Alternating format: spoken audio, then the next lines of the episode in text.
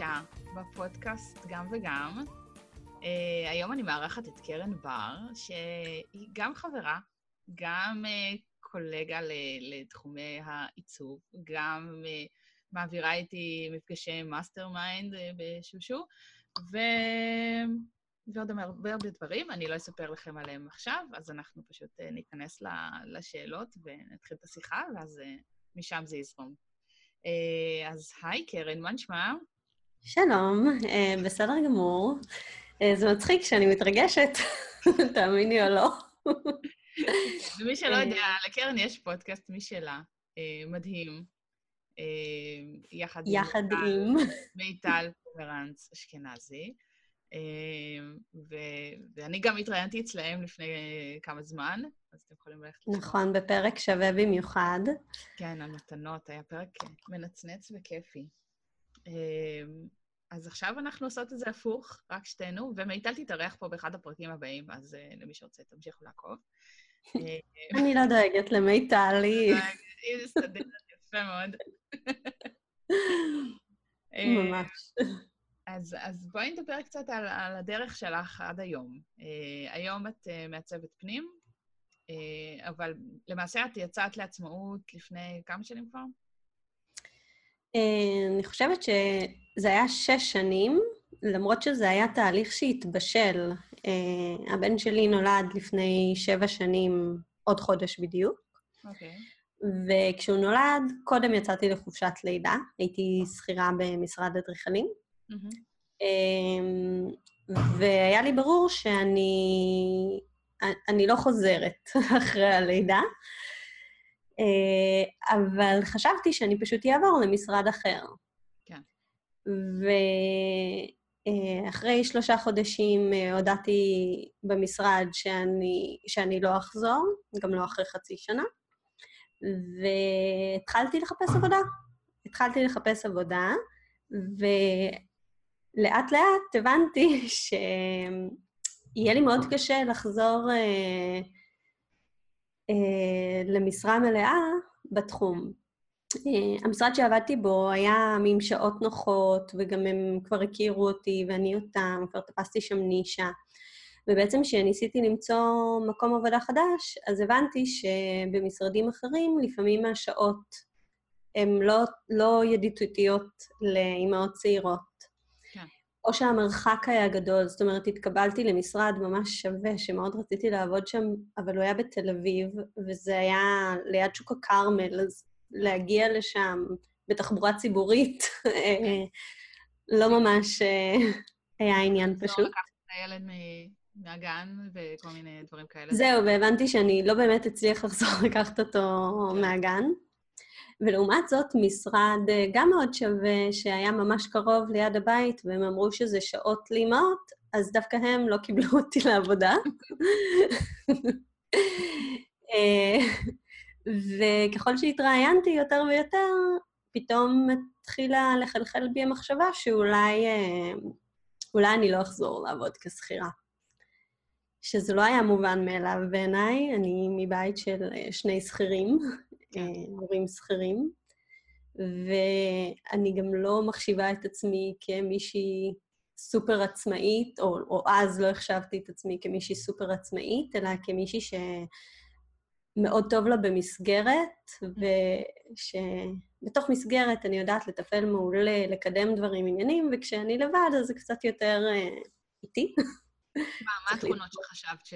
שחסרות לך, כאילו, בשביל להיות עצמאית? אה, קודם כל, באמת להיות מאוד עצמאית. זאת אומרת, אה, לעשות דברים לבד, לקדם דברים לבד, ולא כי אמרו לי לעשות אותם. אני באופי שלי בן אדם אה, מאוד מרצה, לטוב ולרע. כן. שבתחילת החיים זה מאוד קל לך להיות מרצה, בכל המסגרות של בתי ספר וצבא, וגם אחר כך עבודה. Mm-hmm. אבל אחר כך, כשאתה מגיע לחיים הקצת יותר בוגרים ואמיתיים, זה קצת יותר אה, קשה, כי אתה מפסיד מזה הרבה. אה, אז הייתי צריכה להתגבר על, על התחושות האלה של לרצות תמיד לרצות את כולם, ולהבין שלפעמים אני צריכה לשים את עצמי קודם, או לפעמים אני צריכה לקדם דברים שהם בשבילי. Mm-hmm. אמ, או, או באמת להיות עצמאית, או דוחפת, או אסרטיבית ואקטיבית, כל מיני תכונות שפחות ייחסתי לעצמי אז, והייתי צריכה לעבוד מאוד קשה כדי לפתח אותן אצלי. Mm-hmm. ובאמת, אה, לא, לא ראיתי את עצמי גם כ, כמישהי שהיא תהיה עצמאית. לא ידעתי בכלל כלום על העולם הזה, ו... ולא חשבתי שאני אהיה טובה בזה בכלל. אמ, אבל כורח המציאות ככה הוביל אותי לחשוב שאולי, ואז אה, אני זוכרת, עוד חתמתי אבטלה אחרי שסיימתי חופשת לידה ולא מצאתי עבודה, בינתיים חתמתי אבטלה וישבתי מול הפקידה, ואמרתי לה, אני כבר מתחילה לחשוב שאולי, אה, לא, רגע, היה עוד משהו, הייתה עוד נקודת משבר.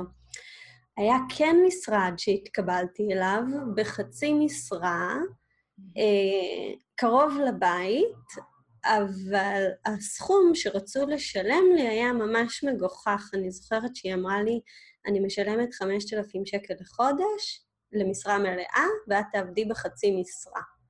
אז הבנתי שהיא רוצה לשלם לי 2,500 שקל בחודש. טוב. ו... וזה החזיר אותי לשנותיי אה, כסטודנטית לעבודה סוציאלית, שהבנתי שעובדות סוציאליות לא מרוויחות הרבה כסף. אמ, שזו הסיבה באמת שהחלטתי, אחת הסיבות, לא, לא רק, אבל אחת הסיבות שהחלטתי ללכת ולעבוד בעיצוב. וכשהבנתי ששוב אני חוזרת לסקוואר וואן, אז uh, אמרתי, רגע, רגע, לא, לא יכול להיות. כלומר, אה, אני חייבת למצוא איזושהי דרך ליהנות מכל העולמות, ואז באמת התחיל, אה, התחילה המחשבה על אה, לצאת לעצמאות. Mm-hmm. אז נחזור לפקידה בלשכת האבטלה. ישבתי מולה ואמרתי לה, אני חושבת אולי לפתוח עסק. כי נראה לי שככה אני אצליח לעבוד פחות ולהרוויח יותר. כן. ולהיות עם הבן שלי גם. אה, אז היא אמרה לי, מצוין, ושלחה אותי למטי, לעשות, אה, מטי זה, אז היה מרכז טיפוח יזמים, היום זה עדיין קיים, אבל היום אני חושבת ששולחים למעוף, אם אני לא טועה. כן, הם כאילו שהתקבלו זה... כמה ארגונים, נראה לי, או שינו את השם, משהו כזה. כן, יש קרן שמש, מעוף, מתי, כולם אה, אותו דבר, ובעצם אה, ככה, ככה התחלתי את דרכי, עוד לא כעצמאית, אבל בדרך לעצמאית. כן. אז uh, אני חושבת שזה כבר היה, הבן שלי כבר היה בן חצי שנה בשלב הזה, ולקח לי עוד חצי שנה ממש לפתוח את העסק באופן uh, רשמי. גם עשיתי את הקורס, mm-hmm. וגם uh, לאט-לאט חיפשתי לקוחות, uh, כי לא היה לי מושג איפה מוצאים לקוחות. כן. והלקוח הראשון שלי בעצם היה הרופא שיניים שלי, שזה היה באמת לפני שש שנים. אה, והתחלנו איזשהו תהליך של עיצוב שבסוף אה, הוא לא התממש, אה, אבל עכשיו, שש שנים אחר כך, הייתה מעין סגירת מעגל, כי הוא שוב פנה אליי אחרי שהם הבשילו לעיצוב, ובאמת לא מזמן סיימנו לעצב להם את הבית בקונסטלציה קצת שונה ממה שאז זה היה, אבל... אבל כן, כאילו היה הלקוח הראשון שלי, וגם לאחרונה אחד הלקוחות האחרונים שלי, כלקוח חוזר. אה, ושם באמת זה התחיל, מהלקוח האחד הזה, ובלי תיק עבודות, בלי שום דבר להראות. גם הדברים שעשיתי במשרד שעבדתי בו, זה היה משרד אדריכלים, mm-hmm. והתעסקתי בתלת מימד, בעיצוב חיצוני של המבנים. כן. אז אין שום קשר לעיצוב פנים אה, מול אה, לקוח פרטי שמעצב את הבית. פשוט לא היה לי שום דבר להראות. כן. זה היה מאוד מתסכל. מה עשית עם זה? כאילו, בראש שלך, איך, עברו, איך עבדו הדברים? זאת אומרת, ידעת שאת צריכה תיק עבודות בשביל להשיג עוד לקוחות, ו... וידעת שאת רוצה לקחת פרויקטים שווים, אבל במחיר כאילו רגיל, ולא איזושהי הנחה בשביל התיק עבודות וכאלה. איך בעצם, איך עשית חיבור של זה? אני חושבת שגם בהתחלה לא היה לי מושג איך לתמחר. זאת אומרת, המחירים שאז לקחתי הם קצת מגוחכים יחסית למחירים שהיום אני לוקחת, כי פשוט לא היה לי מושג גם. לא היה לי מושג כמה זמן לוקח דו, כל דבר. בראש הכל, כל המשימות שיש לך לעשות, בראש אתה חושב שהם ייקחו לך מעט זמן. עם הזמן למדתי שאין משימה שלוקחת פחות משעה, כן. זה לא קיים. זה במקרה הטוב. ובדרך כלל כשאתה מעריך פרויקט, אז אתה צריך uh, קצת לנפח את השעות, כי סביר להניח ש... שייקח יותר זמן uh, ממה שחשבת לעשות את הדברים. Uh, ובאמת בנקודה הזו שלא היה לי שום דבר, והייתי צריכה כן לבנות איזשהו אתר או איזשהו משהו, עוד לא היה בלוג, mm-hmm. אז uh, הדבר הראשון שעשיתי זה באמת uh, להתחיל לצלם פינות קטנות אה, צילמתי את הבית של ההורים, שעזרתי לבחור בו את כל הרהיטים, וצילמתי כל מיני פינות בבית שלי, באיכות מאוד גרועה, אבל, אבל בכל אופן משהו. אה, כן, וככה התחלתי, פשוט כדי להראות את הקו העיצובי או המחשבה, או, או אפילו משהו שיהיה. וברגע שנהיו לי כן פרויקטים קצת יותר טובים, ובכלל, ברגע שהתחלתי להשתמש בצלמת מקצועית, שזו היה קפיצה אדירה מבחינתי, גם של העסק. וגם של ההבנה של דברים שצריך להשקיע בהם בעסק. כן. אמ, ואז כבר את כל הדברים הישנים הורדתי, והתחלתי להעלות רק את החדשים יותר. עכשיו, איך באמת, אה, בפן הזה של התמחור, איך, איך הגעת לזה? איך למדת את זה? כי אני יודעת שגם אצלי, נגיד, זה היה משהו שבאמת אה, אה, עם הזמן נבנה, זאת אומרת, הפרויקטים הראשונים שעשיתי, הם היו ממש לוגו ב-200 שקל, ואחרי זה ב-400, ואחרי זה, כאילו, ככה, פשוט כל פעם שהיה פרויקט חדש, אז הקפצתי את המחיר, אה, עד שהגעתי לאחרונה, כאילו, לפני שסגרתי את הסטודיו, למחירים של 5,000 שקל לחבילת מיתוג.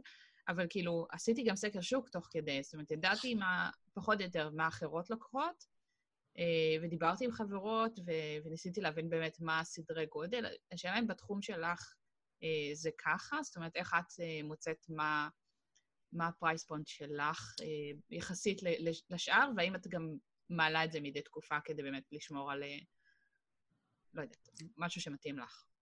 אז זה נושא מאוד uh, כאוב לדעתי בכלל בקרב uh, המעצבות פנים, אולי בקרב המעצבות uh, בכלל. Mm-hmm. Uh, לאף אחד באמת אין מושג כמה אחרות לוקחות.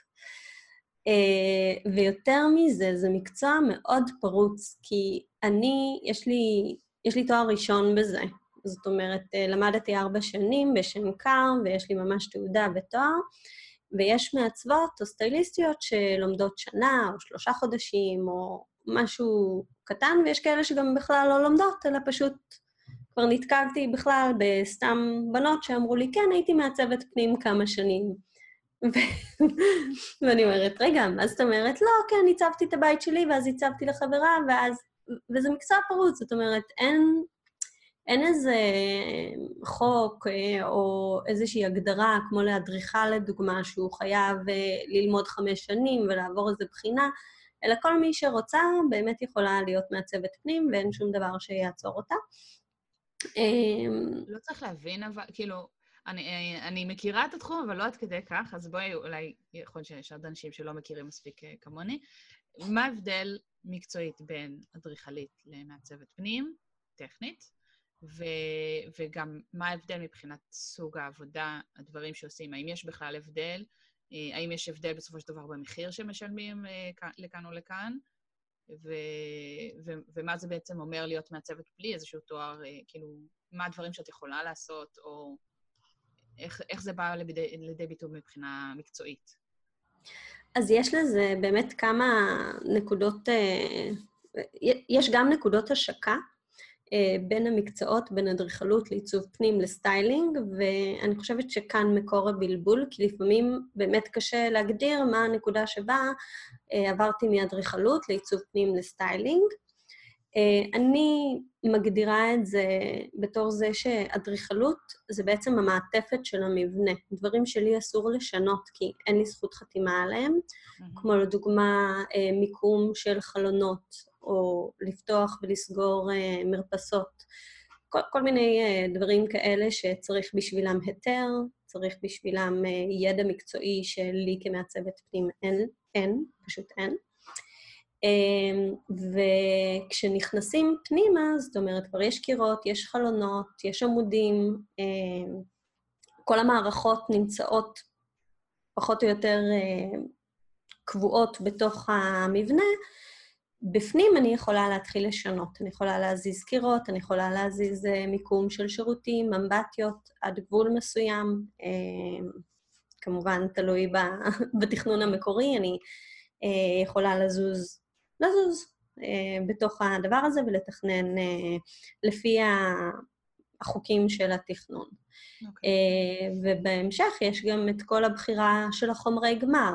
עכשיו, הרבה פעמים זה דברים שגם האדריכלים עושים, אבל אני חושבת שיש משהו נכון בחלוקה, שאדריכל עושה את החלוקה החיצונית והמערכתית. מעצב פנים כבר אה, ניגש יותר לאיך אנשים חיים בתוך החלל ומתאים את, ה, אה, את העיצוב שלו לצרכים האישיים שלהם. ועד לסטיילינג, שזה כבר הדובדבן שבקצפת. זאת אומרת, זה כבר אה, כל הפריטים הקטנים ואיך אני משלים אותם. ולמרות שגם פה יש חוקים, בסטיילינג אה, הרבה פעמים מספיק לעשות באמת איזשהו קורס של הבנה בסיסית של אה, צבעים וגדלים, פרופורציות, ולעסוק אה, בזה. אבל בשביל עיצוב פנים ממש צריך לדעת המון המון דברים, גם על אנשים וגם על איך הם מתנהלים בחלל, וגם על מערכות כלשהן. כן. ואדריכלות בכלל צריך צריך אה, להבין גם אה, בהתעסקות, אה, חוץ מעוד מערכות ועוד דברים שמעצבי פנים לא נוגעים בהם, ממש בעבודה מול העיריות והיתרים וכל מיני כן. דברים כאלו ואחרים שמבחינתי הם בירוקרטיה שאני פשוט לא רוצה להתעסק בה, וטוב שכך. האמת שאני זוכרת אצלנו בבית, אנחנו בבית כבר, אני חושבת, תשע שנים עכשיו, או אפילו יותר, אז את כל ה... כאילו, כשקנינו אותו, קנינו על הנייר, ואז אמרנו, טוב, אולי נעשה שינויים, אולי לא נעשה שינויים, התמהמהנו עם זה, ואז שאמרו לנו, טוב, אתם צריכים לקבל החלטה, כאילו, מהקבלן, אתם צריכים לקבל החלטה אם אתם עושים שינוי או לא עושים שינוי במבנה, בזה, ואז אמרנו, טוב, עכשיו נלך לאדריכל. בסוף יצא ששילמנו איזה 50 אחוז יותר על כל שינוי, בגלל שהתעכבנו, אבל whatever. ואז כאילו הלכנו לאדריכל, עשה לנו שינוי מטורף ב layout של הבית, אה, הפנימי, כאילו מבחינת קירות וזה, אני אראה לך בהזדמנות שתהיי אצלי. ו... ופשוט הפך דירה של ארבעה וחצי חדרים, שיועדה למשפחה עם אה, הרבה ילדים, לדירה לזוג שעוד לא היו לו ילדים, ו... ולקח כאילו עוד זמן עד, ש... עד שהיו לנו פה ילדים בבית. ו... והיום כאילו אנחנו מנסים לחשוב איך אנחנו עושים את השינוי טיפה בחזרה, בשביל כן לתת להם יותר מחדר אחד. אבל את כל מה שאת, כאילו, מה שאת מתארת מבחינת עיצוב uh, פנים, uh, נראה לי שיצא שאני עשיתי, כאילו, גם די ניהלתי את כל הפרויקט הזה לבד, כי דביר היה אז בצבא, ופשוט את כל הבחירה של החומרים ושל הגובה של השיש במטבח, ואיך יהיה הלאוט של העריכים באמבטיה, כאילו, כל הדברים האלה, פשוט כאילו ישירות דיברתי עם הקבלן, ואז הוא שאל אותי, את רוצה את זה ככה או שאת רוצה את זה ככה? כאילו אפילו הסביר לי טלפונית כאילו, איך דברים אמורים להיראות. אז כאילו אמרתי, טוב, אני אקח ככה, וכאילו פשוט התאמתי חומרים אחד לשני, ואיכשהו הבנתי איך זה עובד, אבל זה כאילו לעצמי, אני לא, את יודעת, מן הסתם, אני לא חושבת, זה, זה כאילו נורא מוזר להתיימר אחרי דבר כזה, אה, להגיד, טוב, אני מעצבת פנים, כאילו זה לא, זה נראה לי מוזר. ש, שאנשים אומרים, טוב, אני, אני אעצב לאחרים, כי יש כל כך הרבה כללים שצריך לדעת כל כך הרבה אה, דברים שמאחורי הקלעים, כמו שאת אומרת, כאילו, עד כמה באמת אפשר להזיז את הקירות, או כמה אפשר אה, לשנות אה, פתחים של דברים, או, או, בכלל איך דברים צריכים להתנהל מבחינת משפחה שחיה בתוך הבית וצריכה שהדברים יעבדו לה בצורה פונקציונלית, שאני חושבת שזה מאוד חשוב לקחת מישהו שהוא מקצועי ומבין את הדברים מעבר לזה, וגם יודע לשקף אותם בצורה נכונה למשפחה.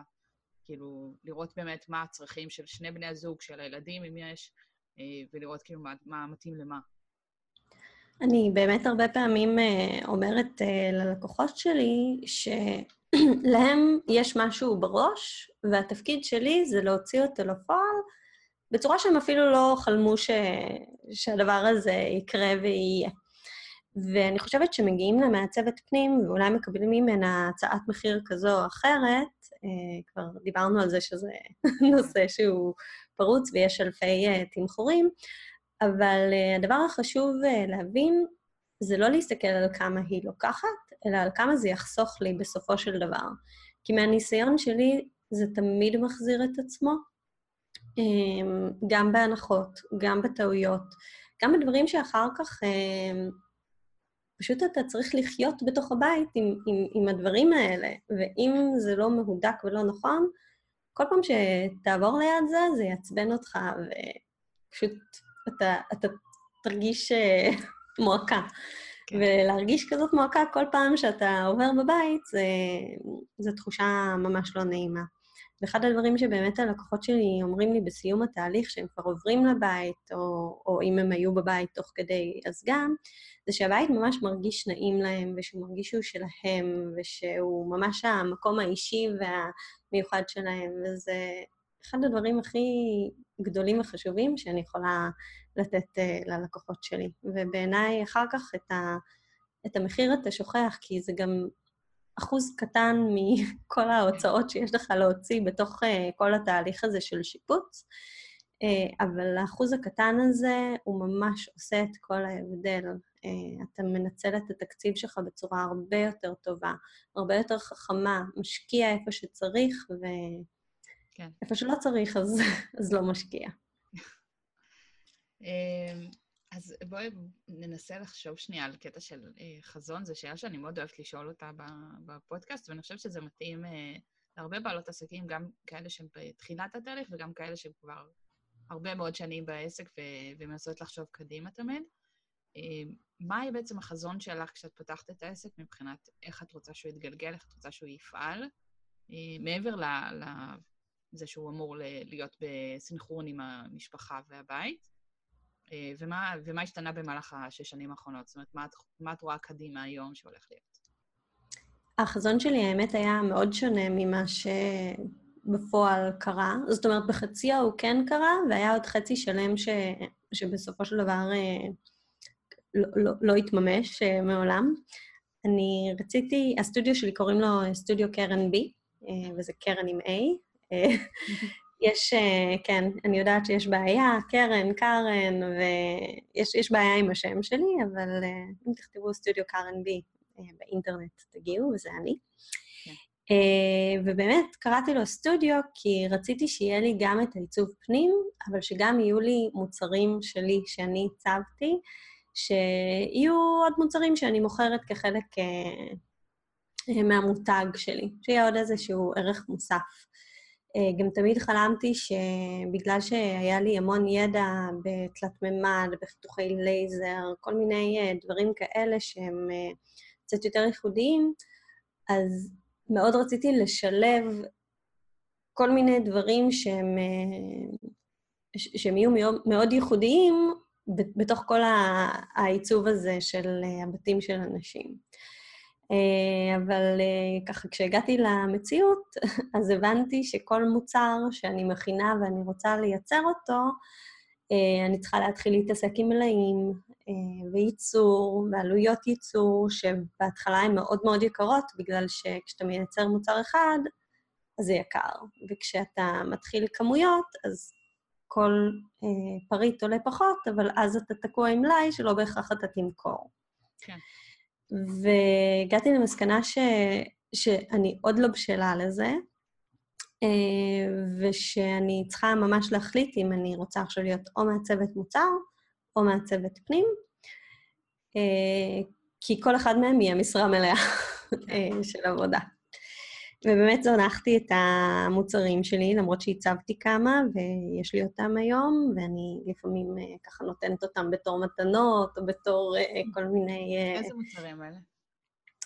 יש לי מוצר אחד שהוא מעמד תכשיטים בצורה של צבי. אני הגרלתי אותו גם בבלוג פעם, פעמיים. Uh, ועוד מוצר שהוא מעין קישוט לקיר בצורת ינשוף לחדר ילדים.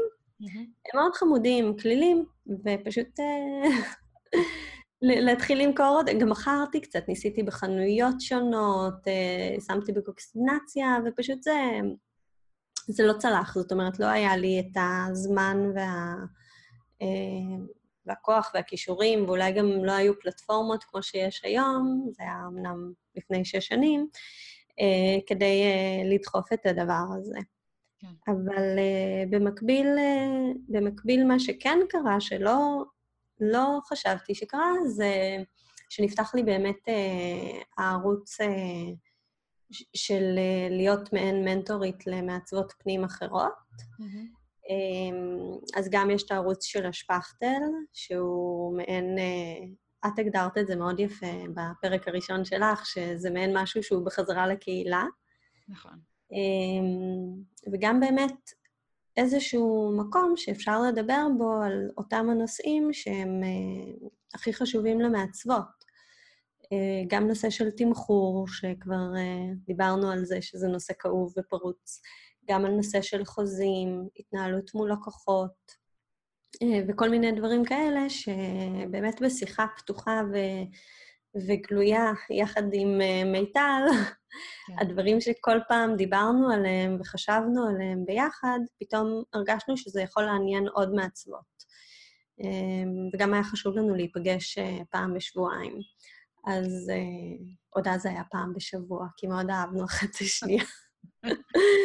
אז uh, עכשיו, מתוך התירוץ הזה של להיפגש פעם בשבוע-שבועיים, נולד השפכטל. שזה ועכשיו בעצם פודקאסט, אנחנו נשים, אני אשים לך איזה לינקים לכל הדברים, לפודקאסט שלכם, אה, וגם לבלוג שלך ולבלוג של מיטל. ואת גם, בעצם הנושאים האלה שאת מדברת עליהם, שהם להחזיר בעצם לקהילה של המעצבות, זה משהו שאת עושה אותו גם בבלוג שלך, בלוג של, אה, שכאילו זה גם מסביר על העבודה של, שמה את עושה מאחורי הקלעים קצת, נותן יותר מידע. אה, וגם בעצם, גם בשפכטל אתן עושות את זה. זאת אומרת, אתן מביאות אמנם אורחות ש, שבאות ונותנות עוד ידע ו, ומעשירות את הקהילה הזאת, אבל גם יש את האינפוט שלכם על הדברים, על איך דברים צריכים להיות, איך דברים צריכים להתנהל, וכל מיני נושאים שקשורים לניהול עסק בתחום הזה. אה, ואיך את בעצם רואה את כל הדבר הזה מתחבר או הופך להיות משהו מתוך העסק שלך אה, בהמשך הדרך, כאילו... כן, אז זה בעצם משהו ש, ש, שהתחיל, הבלוג שלי הוא בעצם נועד להמונים. זאת אומרת, הרעיון שלו זה שכל מי שרוצה לעצב ואין לו כסף למעצבת, יוכל למצוא את הידע בחינם, מונגש, אה, בשפה של העם, mm-hmm. אה, ויוכל להבין איך לעצב בעצמו. כמובן שיש הבדל בין לעצב מעצמך עם מעצבת, אבל עדיין רציתי שיהיה איזשהו מקום עם תוכן איכותי ואותנטי ו- וטוב, ש- שכל אחד תוכל אה, לעצב. ומה שקרה בעקבות זה, זה שהמון מעצבות אה, צעירות וגם ותיקות התחילו לעקוב אחרי הבלוג, ופתאום פנו אליי והתחילו לומר לי, כן, אני אוהבת את הבלוג שלך, ויש שם המון מידע, ואני לומדת ממנו המון, ומתקדמת, ואת מקור של השראה. וזה גם אה, משהו שככה הבנתי עם הזמן, שאנשים, ש, שגם מעצבות רוצות אולי לצרוך את הידע הזה ממני, ו, וכך באמת אה, נולד הפורמט של השפכטל, וגם יש לנו עוד תכנונים אה, לכל מיני סדנאות, קורסים, דברים שעם הזמן אני מאמינה שגם הם יגיעו. ולאחרונה אני משתעשעת האמת, לא לאחרונה, זה כבר איזה שנתיים, אני משתעשעת עם אה, רעיונות של אה, קורסים דיגיטליים, ואני באמת מקווה שהשנה תהיה השנה שזה באמת אה, יקרה, זה כבר במגירה ומחוץ למגירה כבר הרבה זמן. פשוט יש פה חבלי לידה קצת יותר קשים, טכניים, שאני צריכה להתגבר על זה. במובן הזה. אבל לשם, אה, לשם זה גם הולך. מגניב. עכשיו, הנושא של מנטורינג זה בעצם משהו שאת עושה אותו גם מעבר לכתיבה והפודקאסט. זאת אומרת, יש לך אה, עוד, עוד אפיקים שבהם את אה, עושה מנטורינג לעסקים. איך זה בעצם הולך? איך הגעת לזה בכלל? נכון. קודם כל, אני מתנדבת בדור הבא בכפר סבא, שזה תוכנית פה uh, בקהילה המאוד uh, חמימה של uh, כפר סבא, יש לנו את מועצת נשים. Uh, זה התחיל בעצם uh, כשכתבתי בבלוג של מועצת נשים כפר סבא, בלוג בניצוחה של יונית צוק, הבלוגריסטית המדהימה, שכל מי שרוצה לפתוח בלוג חייבת להכיר אותה. ובאמת בבלוג רציתי לכתוב על נושאים שהם קצת יותר עסקיים ופחות עיצוביים, שאנחנו המצוות מתמודדות איתם, או בעלות העסקים. וכהמשך ישיר עברתי לתוכנית של אה, הדס וילף, אה, שזה בעצם הדור הבא, ושם אה, אני כבר שנה שנייה שאני עושה מנטורינג לבעלות עסק קטנות. הפעם יש לי בעל עסק דווקא, למרות שזה מיועד לנשים, אבל התוכנית הזו השנה היא גם, גם וגם. אז יש לי אדריכל מקסים עם uh, פרויקט uh, של עיצוב רהיטים uh, בשם אטליה ארנף, okay. אוקיי. ושאותו אני מלווה. Uh, בחור ממש מקסים ומוכשר, שיש לי העונג ללוות. Uh, ואני כרגע גם מתכננת איזושהי סדנה uh, יחד עם uh, תמר ברניצקי, שהיא מעצבת טקסטיל מוכשרת, שיש לה את השילוב המושלם בין אה, אומנית לבין בעלת עסקים, וגם היא מקור השראה להמון המון מעצבות, ואנחנו בונות איזה משהו מיוחד ביחד, אז זה עוד בבנייה, אבל זה גם אה, תחת... אה, זמן. כן. אז איך באמת את מתמרנת בין הכל? כי, כי כרגע, רק בעשר דקות האחרונות את תיארת איזה עשרה דברים שונים שאת עושה, שאני בטוחה שכל אחד לוקח יותר שעה בחודש. ואת אימא, ואת בעלת עסק, ואת צריכה גם אה, לעשות את הפרויקטים שלך, וכאילו, איך, איך הכל מתחבר? איך את מוצאת זמן להכל? אמ, אני חושבת שבגלל שאנחנו אימהות, אז uh, אנחנו יודעות uh, לתקתק דברים uh, בצורה ראויה להערצה, באמת. אני זוכרת שישבתי במשרד שמונה שעות, וחלק מהזמן הייתה המון אבטלה סמויה, אה, ואני לא אוהבת לשבת בבטלה, אני לא, לא יכולה לשבת אה, ולא לעשות אה, כלום, אלא אם הגדרתי את זה כרגע כ, כזמן ש...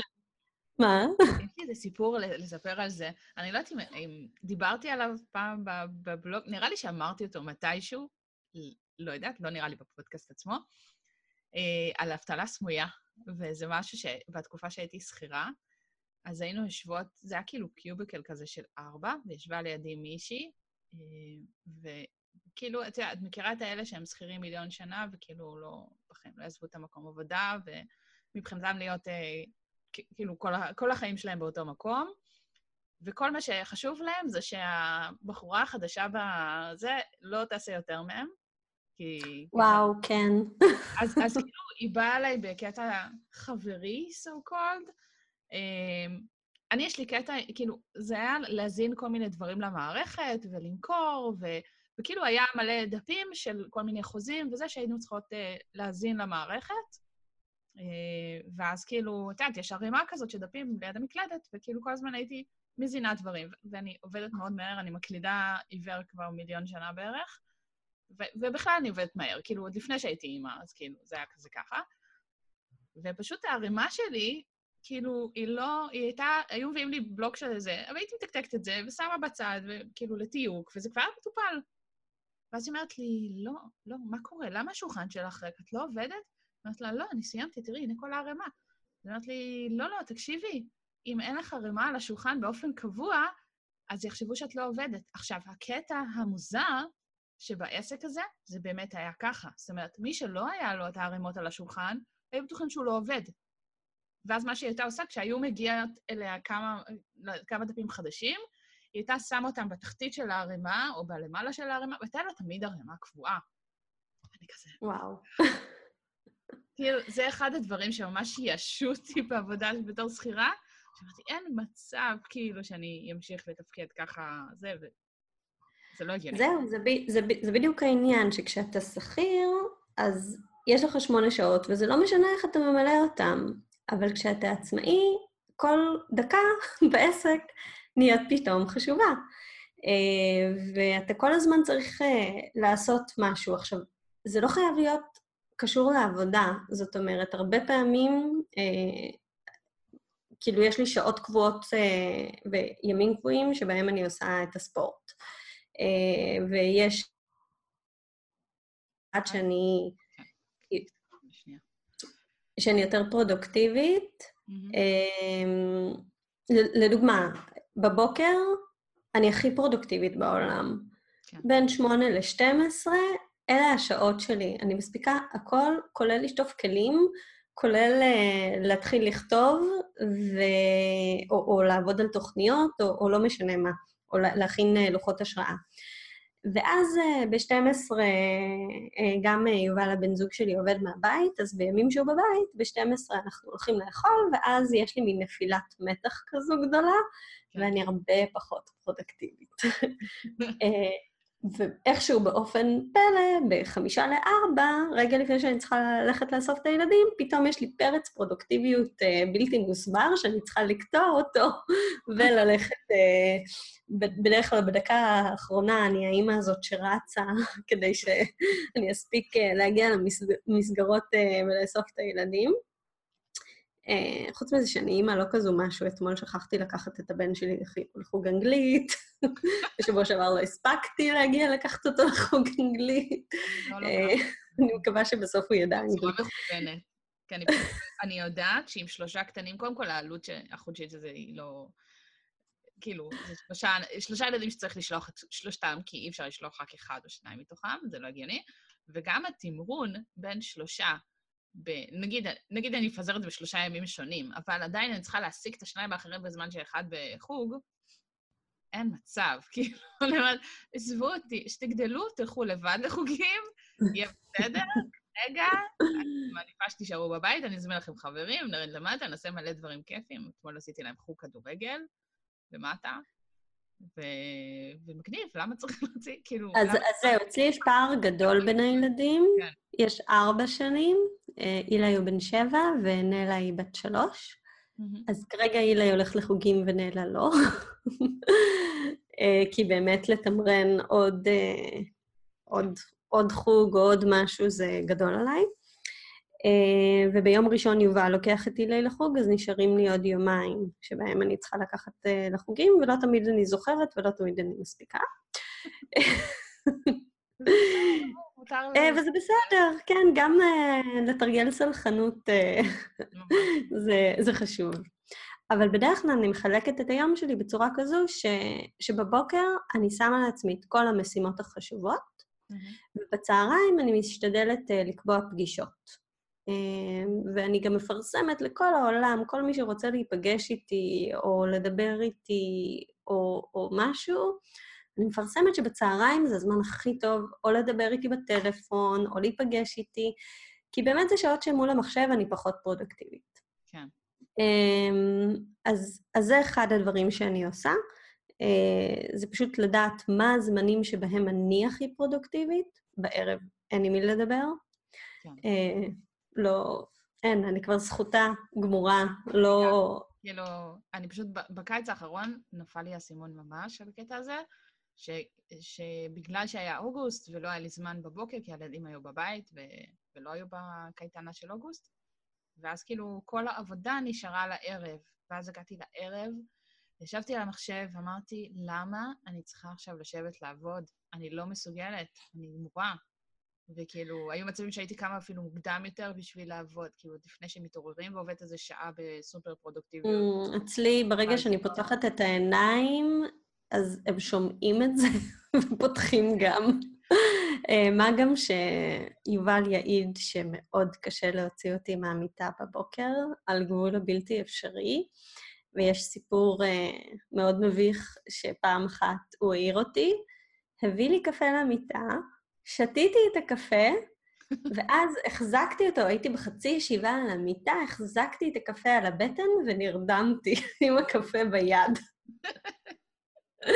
ואז הוא חוזר לחדר לבדוק, כבר היה בטוח שהתעוררתי, ומגלה שאני בעצם עדיין ישנה. אמ, אז, אז בבוקר פחות. אחרי, מהרגע שיצאתי מהמיטה, אני אנרג'ייזר. אבל עד אותו הרגע זה מאוד קשה, ועד שאני, יש לי שוב נפילה, אז אלה שעות הזהב שלי. כן. עכשיו, יש ימים ש... שאני עם לקוחות בקניות, ואז השעות האלה הם, כאילו, זה יום שלם, אין מה לעשות. אמ, אבל אני ממש מכוונת אה, לכך שיהיו לי את השעות בוקר פנויות, אה, לעבוד על דברים. כי מבחינתי גם לשבת בשעות ש...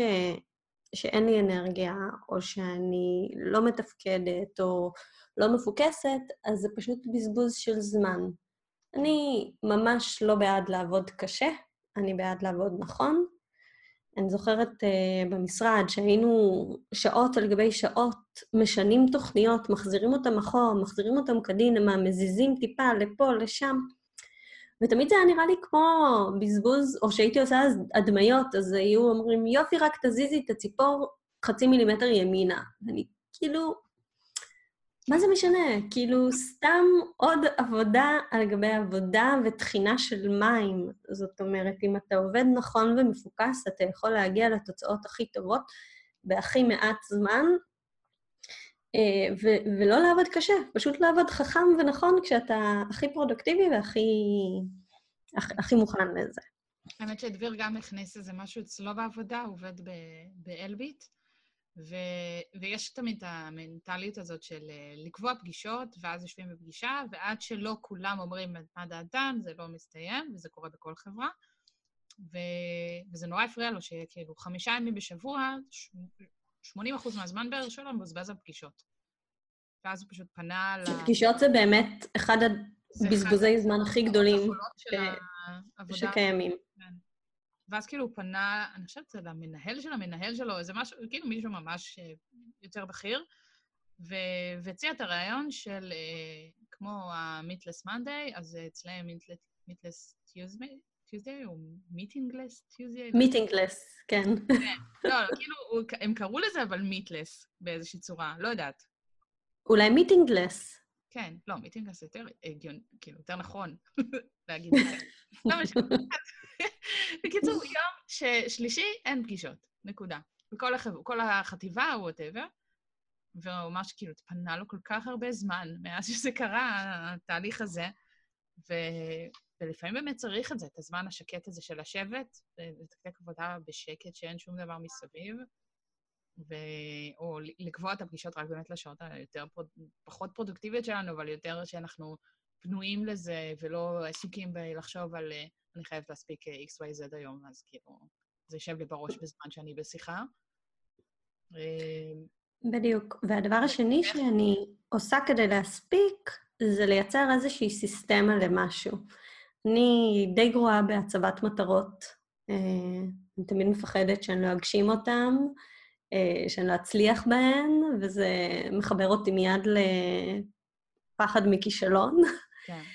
אמ, וברגע שאני, במקום להציב מטרה, או ביחד עם להציב מטרה, אני מציבה איזושהי סיסטמה, אז, אמ, אז זה עובד מאוד טוב.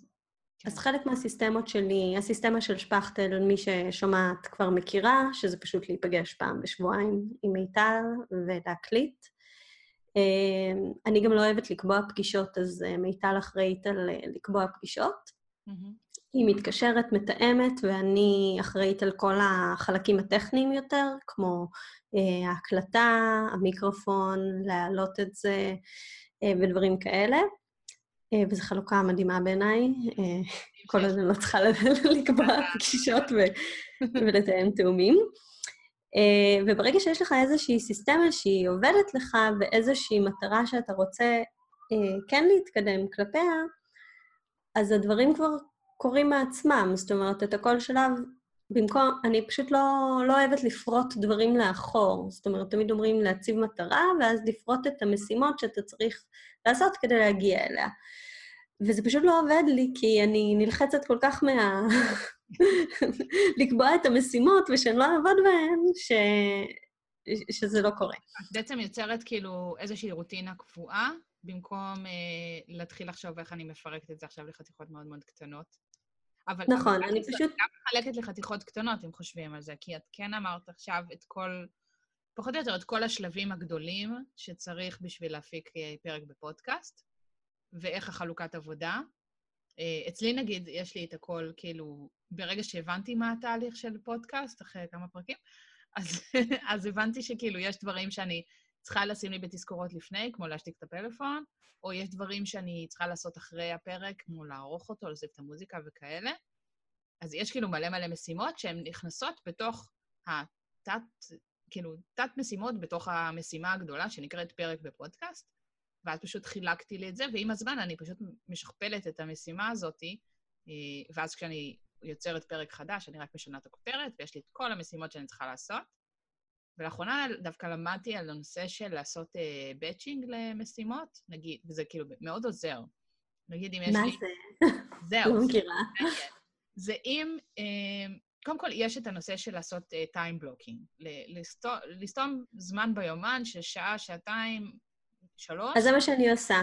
כאילו, הוא קשור רק לנושא מסוים, והבאצ'ינג בעצם הוא תהליך שאת אומרת, אוקיי, יש לי עכשיו מוקלטים את פרקים חמש עד תשע, ואני צריכה לעשות לכולם את אותן פעולות. לכולם אני צריכה לערוך תמונה קטנה, תמונה גדולה, אה, לערוך את הסאונד, לכתוב את הטקסט לפוסט עצמו.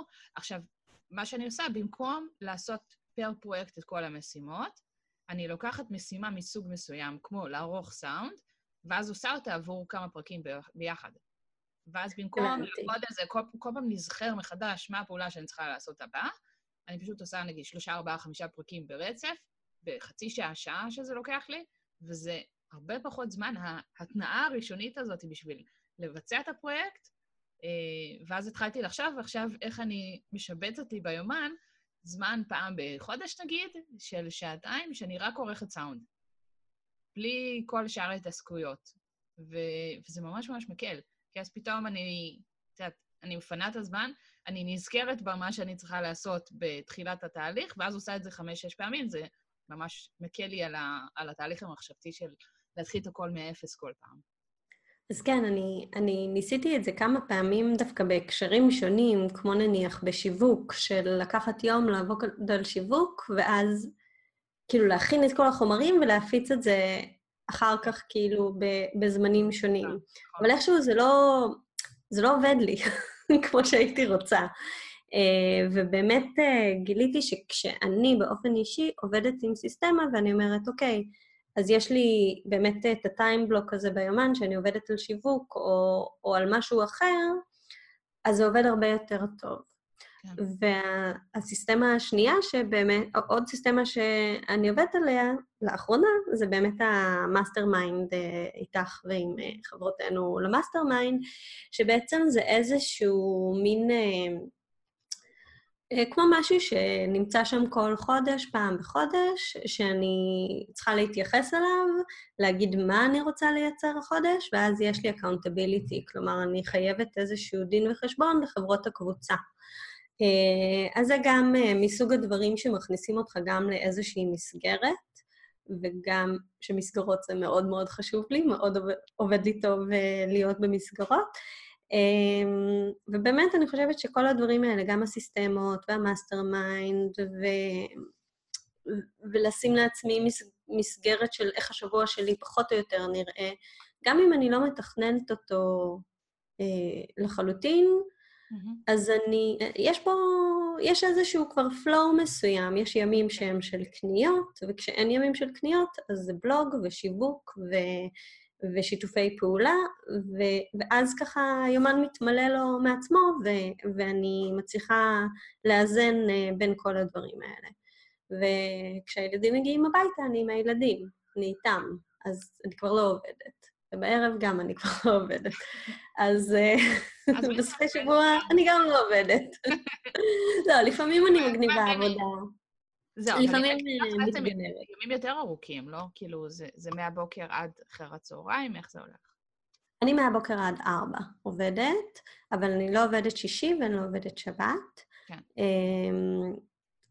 היה תקופה עד לפני שנה שעבדתי גם ימי שישים, שישי, הרציתי באורט, כן. אה, וזה היה יום מלא ומתיש של שש וחצי שעות אקדמיות, וואו. שהייתי עומדת אה, מול כיתה ומעבירה שלושה קורסים. אה, וגם הייתה צעקה גדולה בבית שנגזלו ימי שישי אה, מהבית, וגם אחרי ארבע שנים גם אני התעייפתי. ואז גם מול הלקוחות, כבר בארבע שנים האלה, תמיד היו שואלים אם יום שישי פנוי לעבודה, גם אני לא מאמינה שזה נכון לעבוד עם המעצבת פנים ביום שישי, כי זה יום שלא מספיקים בו כלום. אם הולכים לחנויות, אז הן תמיד מפוצצות באנשים, ושוב, זה בזבוז זמן גדול להגיע לחנות כשאין מישהו שיטפל בך, במקום שתגיע בשעות שאין אנשים, ואז יש מישהו שמטפל בך ועובר איתך שלב-שלב. נכון. אמ, וברגע שאתה בא שכל עם ישראל נמצא, אז אתה יכול להיות בחנות אחת כל הארבע שעות ולא לצאת עם שום דבר, כי לא היה מי ש... שיטפל בך כמו שצריך. ואז גם פשוט לפני ארבע שנים הייתי אומרת לאנשים, אה, לא, ביום שישי אני מרצה, ועכשיו אני פשוט אומרת לאנשים, לא, ביום שישי לא... זה לא יום, אה, זה לא יום. כן. ו... אוי, משהו פה קופץ, סליחה. אמ, אז איך בעצם האימהות שלך משתלבת בכל הדבר הזה? כאילו, דיברנו הרבה על, ה, על העסק ועל שאר הדברים שאת עושה, אמ, ואיך בעצם, את יודעת, מה, מה היחס שלך לאימהות היום? זאת אומרת, מה הדברים שאת, אה, שחשוב לך להשקיע, איך זה משתלב לך עם, ה, עם העסק מבחינת הראייה שלך כ, כבן אדם על הדברים שאת אה, מעבירה להם אה, מבחינת ערכים, דברים שהם רואים עלייך? אני חושבת שקודם כל, אני, אני וגם יובל, שנינו פתחנו עסקים עצמאיים לא הרבה זמן אחרי שהבן שלנו נולד, וממש בהפרשים קטנים אחד מהשני, חצי שנה. Uh, זה לא דבר מומלץ לעשות, לצאת... כן. כן, um, היו שנתיים uh, מאוד קשות. שהיינו עסקים uh, מתחילים, כי צריך הרבה סבלנות כשאתה מתחיל. כן. באמת, שאין לך שום דבר עוד להראות, ואין לך לקוחות, ועד שאתה מצליח באמת לבנות את העסק ו- ו- ולהתקדם איתו קדימה. כן. אמ, וההבנה של שנינו שאנחנו רוצים להיות עם הילדים אה, כשהם נמצאים בבית, ו- ולא לה, לא להצטרך אה, לשלוח סבא וסבתא לקחת אותם. זה, זה קורה, כמובן, כי גם לפעמים אנחנו נתקעים או בפגישות או, או כאלה, אבל uh, uh, בעיקרון רצינו להיות שם עם הילדים uh, כמה שיותר, ו- והעצמאות הייתה הדרך uh, לעשות את זה. כמובן שזה מצריך uh, איזון ו- ולדעת מתי אתה בזמן עבודה ומתי אתה בזמן עם הילדים, ו- ולפעמים גם אם רוצים ללכת אה, ללוות טיול של הילד, אז אנחנו נפסיד יום עבודה בשביל זה. כן. ו... ואין בדיוק איזה יום חופש שאתה יכול לקחת, כלומר, כן. לא עבדת, לא עבדת. אבל uh, זה היה ערך מאוד חשוב uh, בשבילנו. אני זוכרת שבהתחלה, הבת שלנו עוד, עוד לא נהנתה מזה, אבל הבן שלנו כן, אני לא חושבת שהיה לו מושג של מה זה עבודה, כי כשאבא היה נכנס לחדר עבודה, או אמא הייתה יושבת מול המחשב, הם עדיין בבית והם עובדים, אבל, אבל הם עדיין בבית. זאת אומרת, מה, מה, מה זאת אומרת? אבא בעבודה, אני פותח דלת ו- והוא שם. אה, והיום גם יובל קצת... עצמו, כאילו, זה, זה לא דבר מובן מאליו. ש... שמעת אותי טוב? כי פתאום נראה ש... נחלש לי את זה. כן, אני שומעת אותך. כן. כן. אמ, זה, זה ממש לא מובן מאליו, כאילו, התפיסה הזאת של, של מה זה עבודה לילדים. כי, כי אני יודעת שבהרבה מקרים, כאילו, בוא, בוא נגיד ככה, אצל רוב ההורים, אה, שהם שניהם שכירים, אז ללכת לעבודה זה דבר מאוד ברור מאליו. זאת אומרת, ההורים קמים בבוקר, מתלבשים, הולכים לעבודה, אנחנו הולכים לגן או לבית ספר, ו- וזהו, וזה מה שהם מכירים. ובמקרה שלכם זה, זה יותר, אני חושבת שזה גם מאוד נעים לילדים כאילו לראות אתכם ככה, ו, ושכן הם, אה, אתם נגישים להם ונמצאים שם פיזית, גם אם אתם בראש נמצאים במקום אחר. אה, אז, אז איך מבחינתך כאילו זה... אז אני עוד לא, עוד לא יודעת אה, בדיוק איך זה נתפס אצלם, כן. אבל uh, אני יודעת שאנחנו מאוד נהנים מהאפשרות uh, להיות שם איתם ובשבילם. אמ, לא תמיד זה פשוט, לא תמיד יש סבלנות, כי כשאין את ההפרדה הזו בין העבודה לבית, אז אתה כל הזמן, הראש שלך באמת חצי בעבודה. זה לא שחזרתי עכשיו מהמשרד ו- וזהו. אמ, אבל אני, אני כן חושבת שזה מאפשר לי להיות איתם הרבה, ושהם יכירו אותנו ו- וידעו אותנו, וזה באמת התחיל כשיובל היה חוזר הביתה, ואמרתי לו בדיוק שמתי את אילי לישון, והוא היה מתבאס אה, שהוא לא הספיק לראות אותו, אה, ולא הספיק להיות איתו.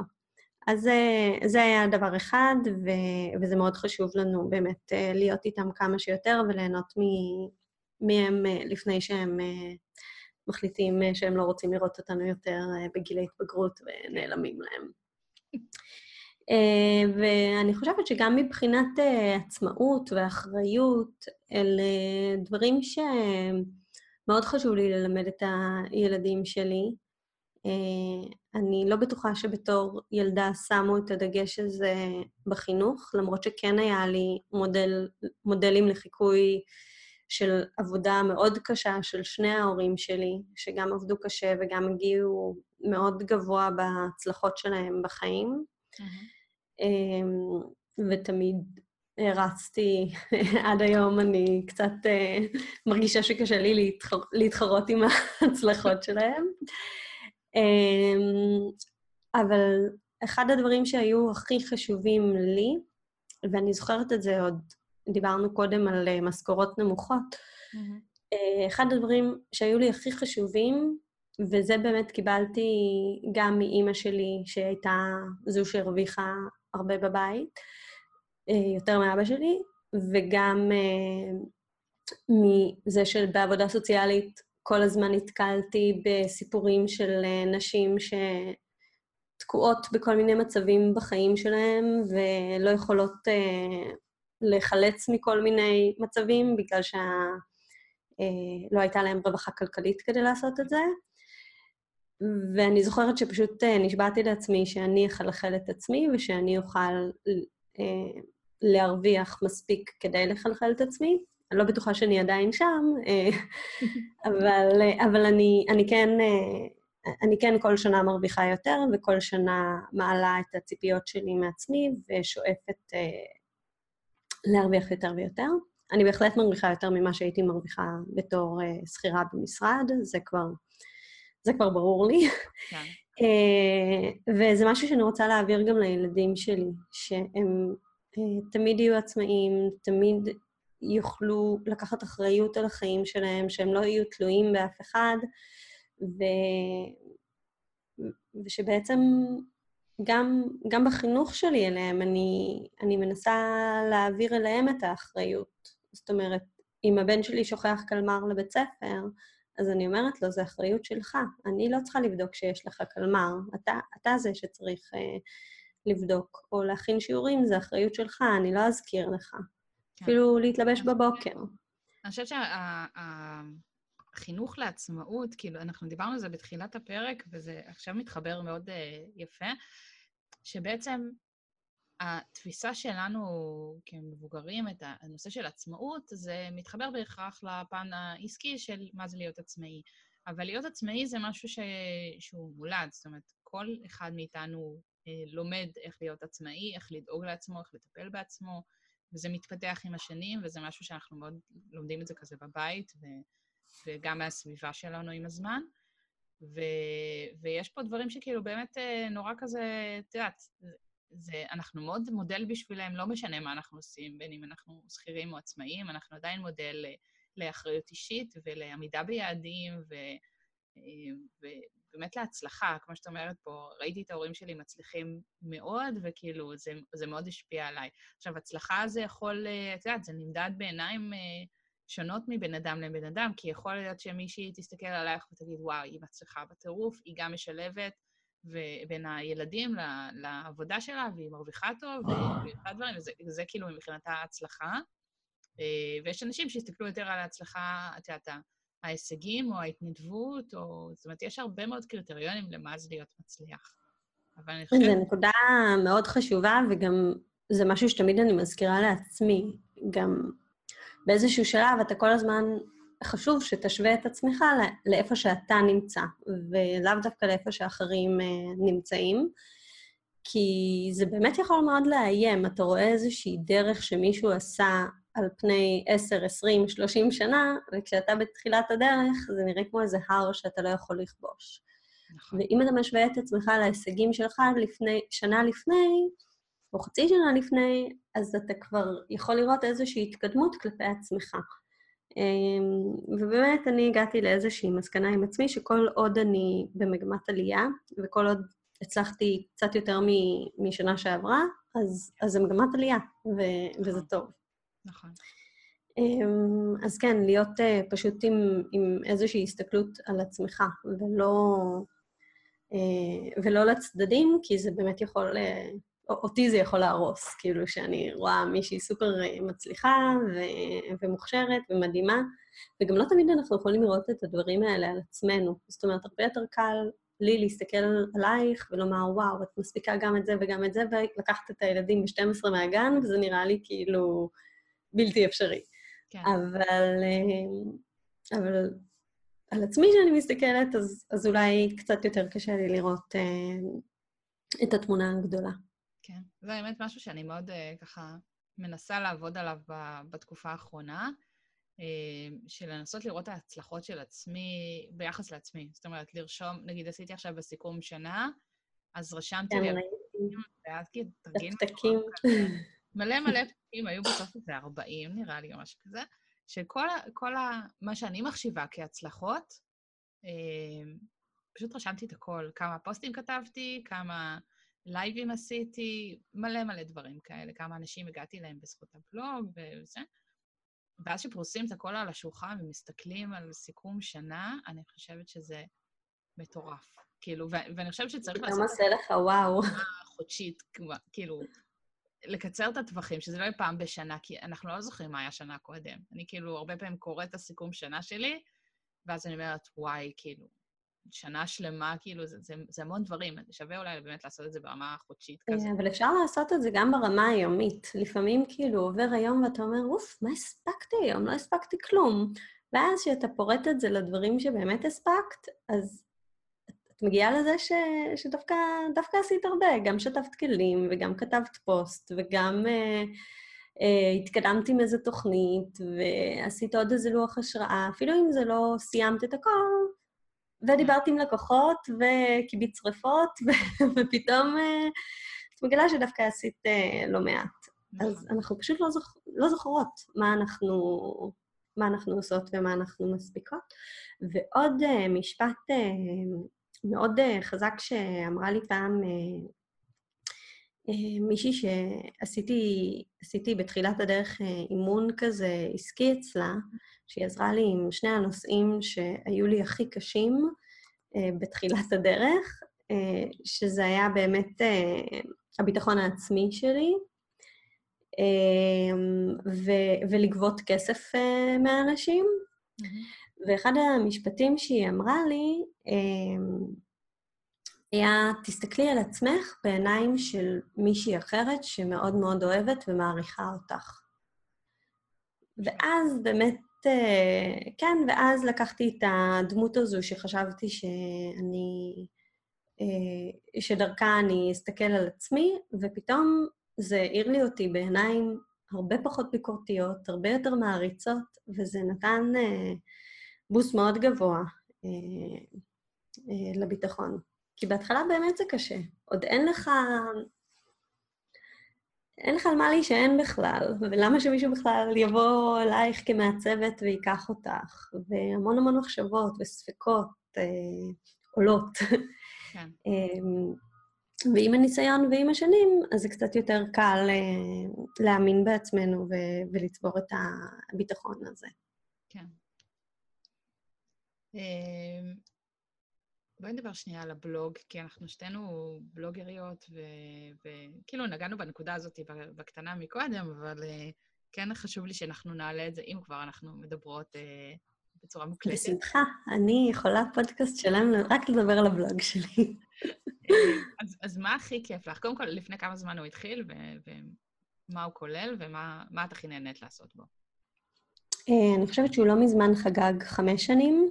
וואו. אה, פתחתי אותו שנה אחרי שפתחתי את העסק, ברגע שהיה לי קצת תמונות וקצת יותר תוכן אה, ויזואלי שיכולתי לצרף אליו טקסטים.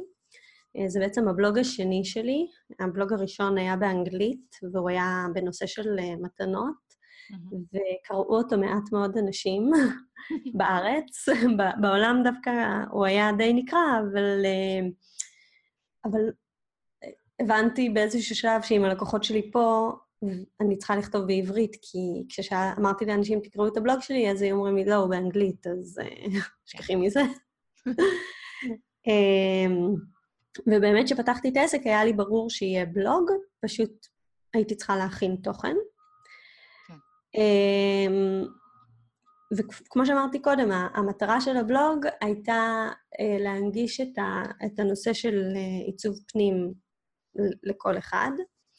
אה, ומהבחינה העסקית, הדבר שזה עשה, אה, זה בעצם שיווק את השירותים שלי באמצעות תוכן. אה, כי אנשים נכנסו וקראו, ואהבו את העיצובים, ואהבו את הטיפים, ובעצם הפכתי לאיזושהי אוטוריטה בתחום. אה, שאנשים יודעים שהם אה, צריכים עכשיו אה, לצבוע את הבית, אז הם ייכנסו לבלוג שלי ויכתבו צבע לבן לבית, ויגיעו לפוסט שכתוב לו, שכתוב בו איזה גוונים כדאי, איך לבחור את הצבע, ממש איך לעשות. כן. ואז שהם ראו שהבנתי על מה שאני מדברת, אז הרבה פעמים, או שבהמשך קוראים לי לפגישת ייעוץ, או אפילו לעיצוב מלא של הבית, כי כבר הם סומכים עליי, הם רואים שאני יודעת על מה אני מדברת. הם אוהבים את הסגנון שלי, וזה בעצם אה, חותך ממש את, ה, אה, את זמן ההבשלה שלהם. הם מגיעים אליי כבר בשלים, הם, הם רוצים אותי, ו, וזו תחושה מאוד נעימה ומאוד מאוד כיפית, ואני באמת מאחלת לכל בעל, בעלת עסק אה, באשר היא, לחוש את זה שכבר מגיעים אלייך ואת לא צריכה להתחיל לשכנע. כן. אה, כי לי מאוד קשה לשכ... להתחיל לשכנע אנשים, אה, תבחרו אותי, תיקחו אותי. אני גם לא זה- חושבת שצריך, כי יש היום כל כך הרבה דרכים אה, כן לגרום לאנשים אה, להכיר אותנו עוד לפני שהם קונים. אה, ש- שכאילו נראה לי היום מוזר, נגיד, אנשים שמתקשרים אליי כשהם, את יודעת, חיפשו בגוגל ו- והגיעו איכשהו לאחד האתרים שלי, ואז הם מתקשרים, ואז כאילו אני צריכה לשכנע אותם מי אני ולמה כדאי להם, כאילו, הם ראו רק את התיק עבודות נגיד. לא, כאילו, לא בא לי. כן, לא זה רוצה כבר לא נחוץ, זה. כבר לא נחוץ. הוא מיותר, כי, כי אני משקיעה המון מאמץ בליצור תוכן, אז כאילו, תלכו, תראו את התוכן, אחרי זה תחזרו אני אליי. חושבת שגם יש הבדל, זאת אומרת, הרבה פעמים אני מרגישה שדווקא ה- מפה לאוזן, שהרבה עסקים נתמכים עליו ומסתמכים עליו, הוא עובד אצלי, מגיעים אליי מפה לאוזן, אבל כשמגיעים אליי מפה לאוזן, אני צריכה להתחיל להראות ולשכנע. כן. וכשמגיעים אליי דרך הבלוג, ובאמת אחת הדירות שלא מזמן פרס, אה, צילמתי והיא הבאה בתור אה, להתפרסם בפוסט הבא בבלוג.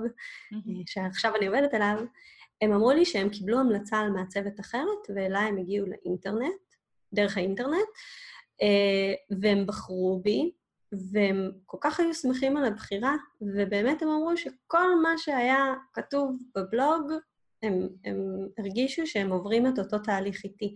זאת אומרת, הם כבר ידעו למה לצפות, הם ידעו מה יהיו השלבים בעיצוב, אה, איך אני עובדת, איך אני חושבת, וזה הופך את הכל להרבה יותר קל מאשר מישהו שבכלל אין לו שום מושג וידע במה שאתה עושה ומה זה אומר.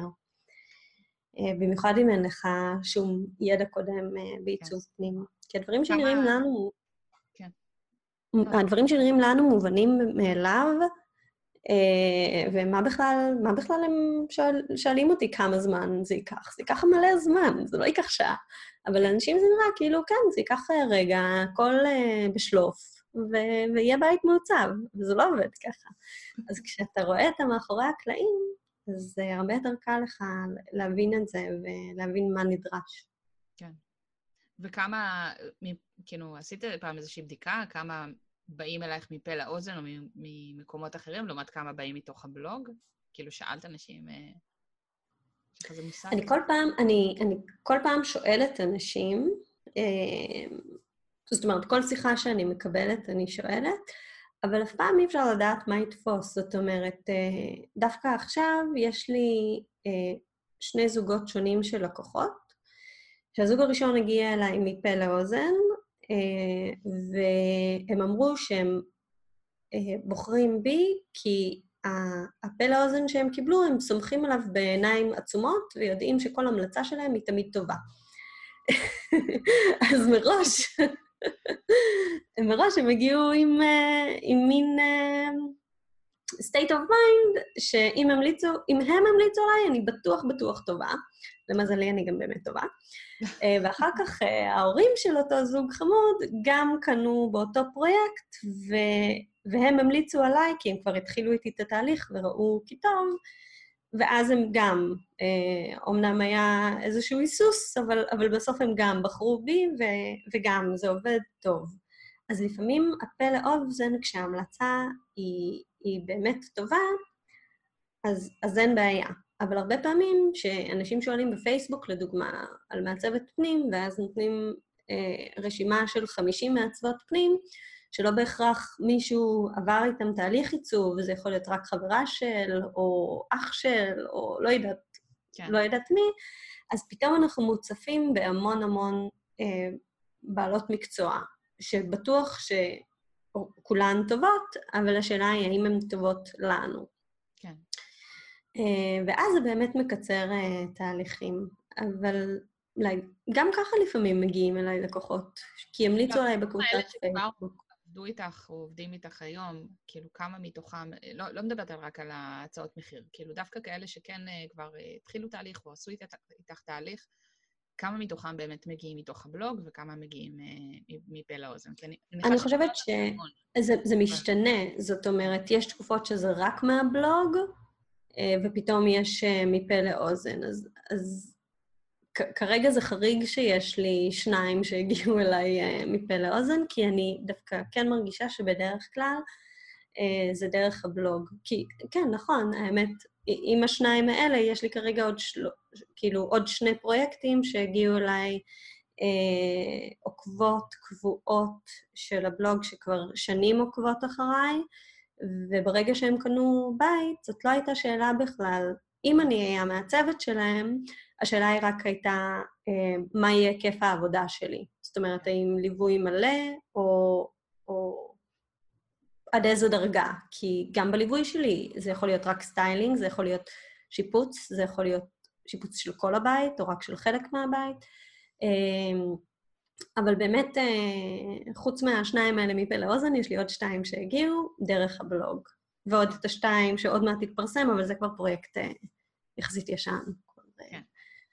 עבר זמן מאז שקיבלתי אותו.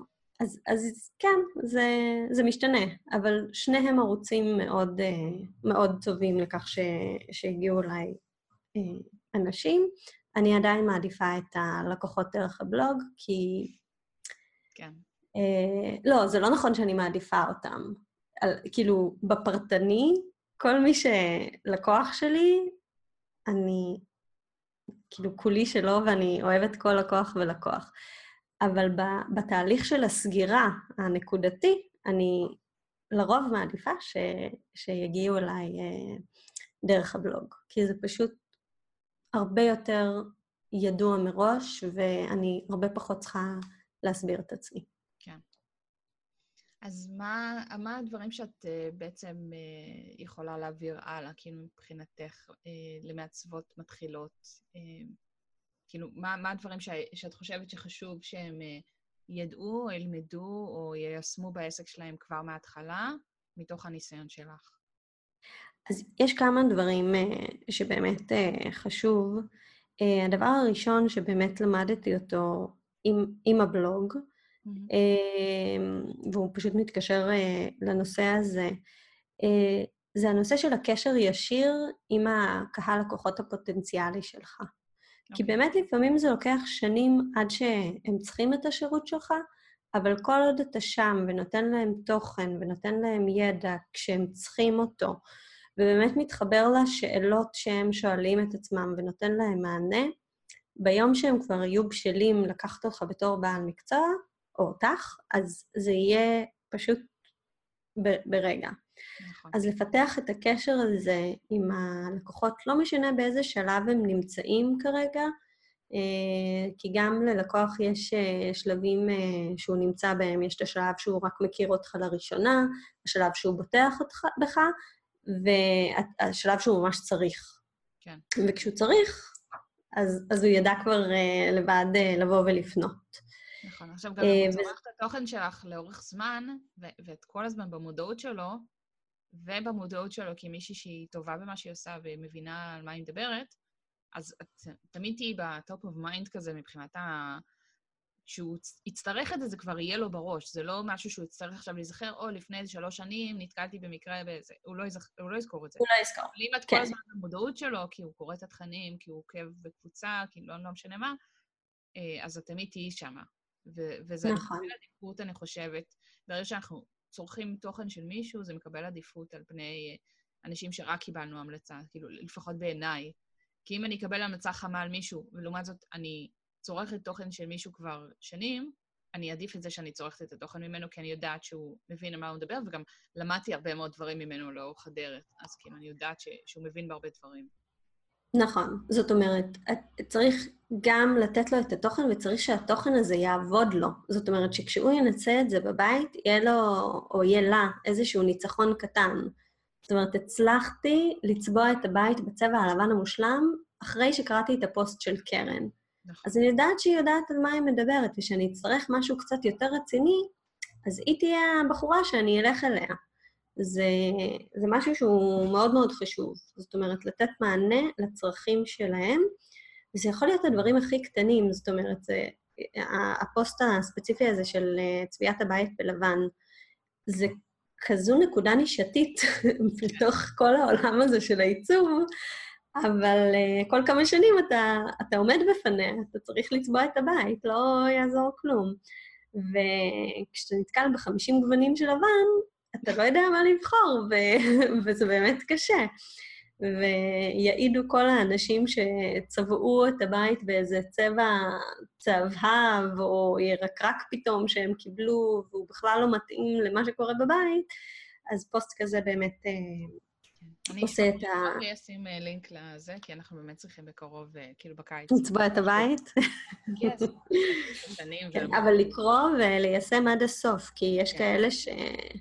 לא, לא עוקבים אחרי כל הטיפים, והם מנסים אה, לדלג על שלבים, ואז יוצא לא טוב ומתבאסים. כן. אז, אה, אז זה דבר חשוב.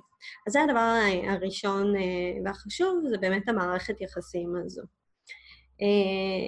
עכשיו, שני הדברים האחרים שאני התמודדתי איתם באופן אישי, היה, כמו שאמרתי קודם, הביטחון העצמי. אה, שאני באופן אישי גם התמודדתי עם תסמונת המתחזה, וכתבתי על זה פוסט אה, במועצת אה, נשים סבא, כי הייתי בטוחה, עוד בלימודים, שהתקבלתי לשנקר, הייתי בטוחה שזו טעות, ושעוד רגע מישהו יבוא עם קליפורד ועיפרון, ויסתכל עליו, יצקצק בלשון, ויקרא את השם שלי ויגיד לי שהייתה טעות, ושלא באמת התקבלתי. כן. אה, וזו תחושה שמדי פעם ככה מתגנבת, אמנם עם השנים ועם הניסיון פחות, אני מודה. אה, אבל כן, אם אה, אתן מרגישות שעוד אין לכם ניסיון, שאתן עוד לא יודעות על מה אתן מדברות, שלא באמת אתן יודעות לעצב, למה שמישהו ייקח אתכן, אז זו תסמונת קיימת, שאפשר לטפל בה, רק המודעות לזה שהיא קיימת כבר עוזרת. אה, והדבר השני הוא באמת אה, מבחינת התמחור. אה, כל פעם להעלות מחירים. כשמתמחרים פרויקט, אני, אני לא יודעת איך זה במקצועות אחרים, אבל בפרויקטים של עיצוב, זה יכול להתחלק לכל כך הרבה גורמים, זה יכול להתחיל מפגישת ייעוץ ועד ליווי מלא. שבתוך זה, זה יכול להיות רק עיצוב חדר אמבטיה, או רק, לא יודעת, עיצוב מטבח. כן. אה, אז באמת, כל פעם שאני ניגשת לתת הצעת מחיר, אז אני בונה אותה מחדש, ובודקת איך אני יכולה גם לבנות אותה בצורה שגם אני אתן מתנות ללקוחות שלי. אמ, אחד הדברים שאני חושבת הכי חשובים בהצעת מחיר שלי, זה שהם מקבלים מתנה שבסוף הפרויקט הם מתקשרים אליי ואני מגיעה לתלות אצלם בבית תמונות, וילונות, כל מיני דברים, וזה גם מסכם את סיום הפרויקט. אה, וגם זה, זה בעצם, אה, זה בעצם מתנה ממני אליהם. כי הם יכולים לתלות לבד, אבל אז שום דבר לא יהיה באמת במקום שהוא צריך להיות, וזה יהרוס לי את כל העיצוב וזה יעצבן אותי. אה, וגם אם קרה מצב, ולצערי זה קורה, שבו הם לא הגיעו לקו הסיום הזה, או לא הזמינו את כל הדברים, מאלפי סיבות זה יכול להיות. כן. נגמר להם הכסף, אה, החליטו שבסוף הם לא עוברים, ואחרי שבוע עזבו את הבית, גם זה קרה לי, אה, שאחרי שבוע שהם עברו, הם הבינו שיש מלא פקקים באזור, והם חזרו, ל... הם פשוט עזבו את הבית, ולא עברו אליו מעולם. אז uh, זה לא תלוי בתשלום שלי. זאת אומרת, זה לא שעכשיו אני צריכה להחזיר להם כסף או, או משהו כזה, אלא זה איזשהו משהו נפרד בתוך כן. uh, מחיר. Um, ואני חושבת שהדבר הכי הכי הכי חשוב uh, זה לצבור איזושהי רשת uh, תמיכה, uh, דווקא של עצמאיות uh, מסביבכן. כן. כי מישהו שכיר לא יוכל להבין ללבכן. אה, החברות השכירות שלכן לא יבינו את הבדידות, לא יבינו שאת יושבת במשרד אה, לבד ואין אף אחד איתך ואין לך עם מי להתייעץ, ויש לך מיליון ואחת קשיים אה, שעומדים בפניכן, וגם יהיו כל מיני, לפעמים, כל, כל מיני משפטים, אה, כמו למה את צריכה את זה, עדיף אה, להיות שכירה, עדיף אה, להיות עם ביטחון כלכלי וכל מיני דברים כאלה שהם לא בהכרח המנגינות שאת רוצה לשמוע. כן. אמ, וברגע שיש קולגות שאפשר להתייעץ איתם, ולדבר איתם, ולהיפגש איתם, ולהתקדם איתם, זה ממש ממש עושה את כל ההבדל. אה, וממש יש לי כל מגוון רשתות כאלו ואחרות אה, ש... שנמצאות שם כל פעם שאני, שאני צריכה את העזרה ושאין מי שיבין אותי בעולם, אז אני פונה אליהם. וכל מי ש... פשוט לסלק את ה-naysayers, את כל האנשים שיורידו אותך ויגידו לך לא ויבאסו אותך. לגמרי. אני, אני אוסיף לזה אפילו עוד משהו ששמתי לב ממש לאחרונה עליו. יש אנשים שהם כאילו פחות מתלהבים ממך, מכירה את התחושה הזאת? שכאילו, את אומרת, את, את עושה דברים ומשתפת וזה, ויש את האנשים שכאילו עפים עלייך בטירוף, ויש את האנשים שהם כזה, אה, כאילו, זה לא חייב להיות, הם, הם, לא, הם לא באים בקטע רע, אין להם כוונות רעות, הם לא באים מזה, אבל הם פשוט או ביקורתיים מדי כלפייך, או סתם לא מתלהבים ממה שאת עושה, או וואטאבר. ודווקא האנשים האלה, זה האנשים שכאילו אני מנסה לדלל את הקשרים איתם, ואני כן רוצה סביבי את האנשים ש... וזה לא צריך להיות בקטע של אה, מהממת מדהימה, וזה התרבות ה... התרבות הקשה, כן. שכולנו חוטאות בה לפעמים. אה, נכון, לגמרי. אבל כאילו, אני חושבת שיש הרבה אנשים. שהם מאוד מתלהבים מעצם קיומך, מעצם זה שאת עושה דברים מיוחדים, ופשוט מתלהבים שאת שמה. זה, זה, זה הכי חשוב. ו, ולהקיף את עצמך באנשים שזה מה שהם, כאילו, זה מה שהם חושבים עלייך, וגם לחשוב על עצמך בצורה כזאת, זה מאוד מאוד עוזר. כי, כאילו, הרבה פעמים, וזה לא חייב להיות הבעיה עם אותם אנשים, אבל הרבה פעמים אותם אנשים ומה שהם משקפים, זה, זה דברים שאנחנו בכל מקרה, את יודעת, אומרות לעצמנו בתוך תוכנו כזה, ואז כשאת רואה את זה משתקף עם מישהו אחר, זה כזה, אוקיי, אני לא רוצה... זה רק אה, עוד יותר מחזק את החששות וה, כן. והפחדים הכי עמוקים שלנו. אז כאילו, נכון. אז לא. אז פשוט בואו בוא נקיף את עצמנו באנשים שהם, שפשוט אה, מתלהבים מאיתנו כמו שאנחנו מתלהבים מעצמנו ברגעים הטובים שלנו. זה מאוד מאוד חשוב. אה, באמת, באמת, אה, גם לביטחון וגם אה, לאושר הפנימי, כי אין דבר יותר משמח מלראות תגובה או בבלוג או באינסטגרם או בפייסבוק אפילו, של מישהי ש... או אפילו בהודעות אישיות לפעמים, כותבות לי, יואו, אני עוקבת אחרייך ואני אוהבת את מה שאת עושה, בין אם זה מעצבת מתחילה, או, או מישהי שסתם היא רוצה להיות לקוחה, או שהיא מעצבת בדיוק את הבית. אה, ואפילו אם הם לא יהיו לקוחות שלי אף פעם, זה כל כך מרים ומחזק אה, לדעת שזה מה שהן חושבות עליי, ושפתרתי להן איזושהי בעיה, או, או עזרתי להן באיזשהו אופן. זה... אין דבר. אמר, אמרנו כבר בהתחלה, אני בן אדם מרצה, אז כשמישהו מרוצה ממני, זה, זה משמח אותי מאוד. אמ, אז השאלה המסוכמת היא, מה היית מאחלת, או מה היית מייעצת, יותר נכון, לעצמך בתחילת הדרך? משהו, משהו אחד שכאילו, את יודעת היום ש... כן, זה שני דברים אה, שמאוד אה, קשורים אחד בשני. אמ, הדבר הראשון אה, זה סבלנות. Mm-hmm. אה, כי אני זוכרת את עצמי בהיסטריה מוחלטת בתחילת דרכי, אה, שלא היה לי מושג איפה להשיג לקוחות ואיך הם יגיעו ואיך בכלל אני אכניס כסף מזה. גם בשנה הראשונה באמת בקושי הרווחתי. אה, ו... והייתי בהיסטריה טוטאלית. לא, לא ידעתי מה לעשות עם זה. הסבלנות, זה, זה מגיע, כן. והדבר השני, אה, שהוא המשך ישיר, זה ההתמדה. פשוט להמשיך לעשות, לעבוד, לייצר, אה, ליצור את השיתופי פעולה, לפגוש אנשים, לכתוב תוכן, ומתוך העשייה הזו דברים מתגלגלים ו- וקורים. וזה באמת משהו שעד היום אני, אני זוכרת שהייתי אומרת את זה לעצמי אז, וגם יובל היה אומר לי את זה, ועד היום זה הדברים שאני אומרת לעצמי. פשוט לא משנה מה, את ממשיכה קדימה. נכשל פרויקט, לא הצליח משהו, כן הצליח משהו, לא, לא, לא משנה מה, לחשוב על הדבר הבא, להמשיך קדימה, לפגוש אנשים, ליצור שיתופי פעולה. והדברים קורים. לגמרי. טוב, אז זה היה סיכום אה, מדהים לפרק מעולה וארוך וכיפי. תודה. והיה לי ממש ממש כיף אה, לארח אותך. ו... גם לי היה כיף להתארח אצלך, חיכיתי לזה ממש. איזה כיף.